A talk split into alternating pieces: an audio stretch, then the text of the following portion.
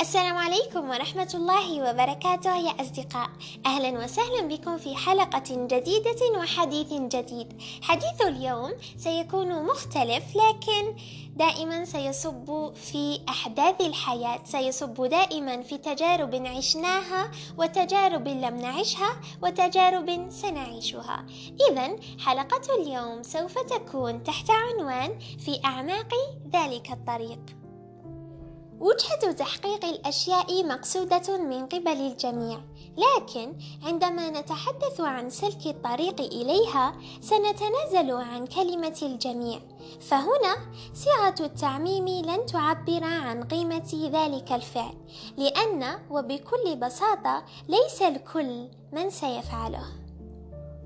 الإنسان بطبيعته شغوف بالشعور بلذة النجاح، لذة الوصول، ولذة التحقيق، ولذة الفخر بنفسه أنه وصل وأخيرا إلى ما يريد، لكن وما نعلمه جميعا أن ذلك الوصول لن يكون بالراحة، لن يكون بدون فعل أي شيء، فالوصول يتطلب إلى جهد ولو كان ذلك الوصول إلى أبسط الأشياء ولو كان ذلك الجهد يستغرق خمسة دقائق فقط إلا أنه شيء لازم للتحقيق.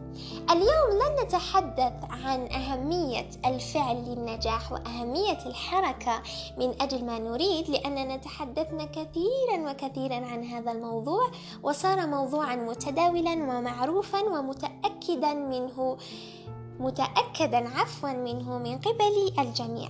اليوم سنتحدث عن كيف سيكون ذلك الطريق الذي سنسلكه من أجل أن نصل إلى ما نريد.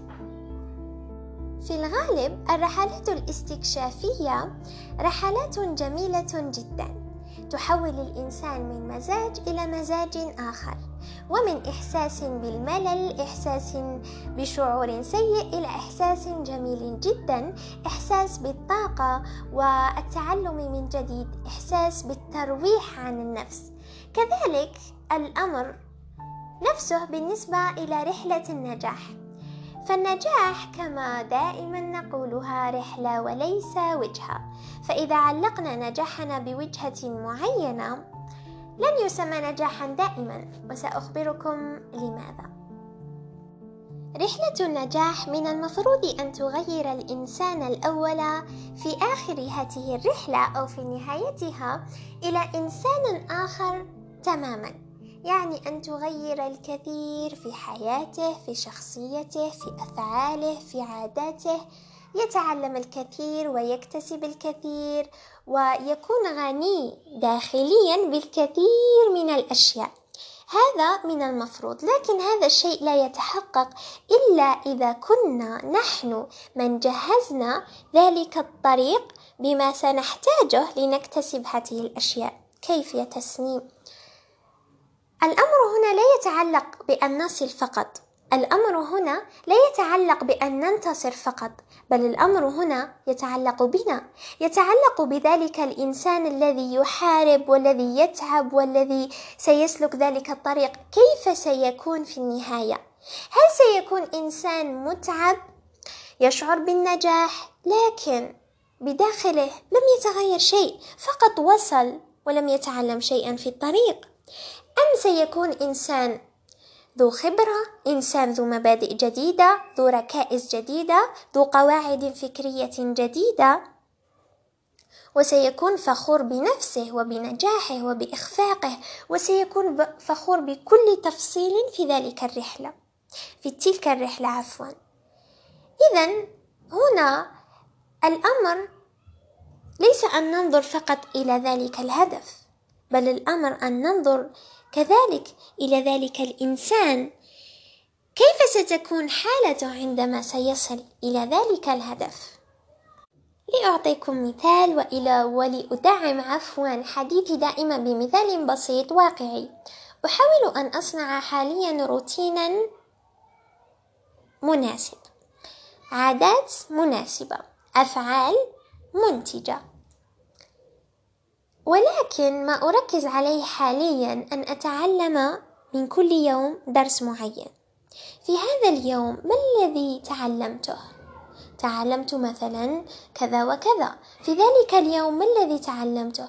إذا هاته هذه المعلومات التي سنستقطبها من جميع الأيام ستكون كقاعدة لما سنصنعه من روتين ومن أفعال ومن عادات لأننا اكتشفنا أنفسنا اكتشفنا أشياء جديدة. وهذا ما يهم حقا يعني في رحلة بحثك عن أي شيء أن تكتشف أن تتعلم أن تجعل ذلك الإنسان أفضل في ذلك الطريق. ليس فقط أن تصل لأن تصل. فلي أريد أن أقول شيء. ليس كل الانتصارات تستحق الانتصار. ليس كل الانتصار يعني الانتصار. كيف هذا؟ أنا وصلت إلى شيء معين يعني أنا انتصرت. صحيح أنت انتصرت.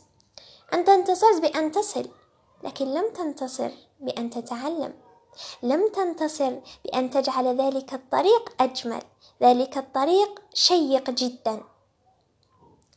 إذا آه، كذلك تعلمت درس جميل جدا وسمعته من إنسانة يعني كانت طريقة آه، طرحها لهذا الشيء تعلمت أن أعيش كل لحظة نحو نجاحي بلحظتها.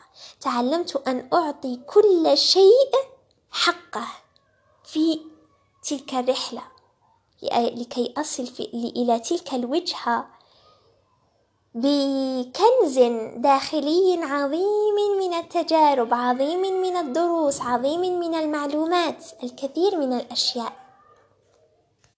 هناك بعض الأشياء يا أصدقاء آه، حتى لو نحققها حتى ولو ننجزها لا يكون لها أثر. لا تكون يعني آه، شيء بلا أثر شيء بلا فائدة شيء لم يغير شيء. يعني دخل ومر مرور الكرام على حياتنا. إذا ما سأنصحكم به يا يا أصدقاء الأعزاء أن تزودوا طرقكم بما يجعل ذلك الإنسان أقوى. بما يجعل ذلك الإنسان واعي أكثر ناضج أكثر. متعلما أكثر. صامد أكثر. زودوا طرقكم بما ينيرها لكي تصل في الأخير إلى أنوار أكبر. إلى النور الكبير الذي يجمع كل تلك الأنوار الصغيرة في, في ذلك الطريق. أنت كشاب أو كشابة تحاولين صنع شخصيتك تحاولين الوصول إلى درجة معينة من القوة والشجاعة وتقدير الذات واحترام الذات. إذا أريد فقط أن أخبركم أن هذا الشيء لا يتحقق فقط بالاعتقاد أنني سأقوم بهذا بل يتحقق بكثير من الجوانب. يتحقق بالتعلم يتحقق بالتجربة يتحقق بالتغيير يعني الطريق إلى أن تصل إلى شخصية الشخصية التي تريدها بمزاياها عفوا سيكون متنوع جدا. ولكن أنت من ستساهم في هذا التنوع.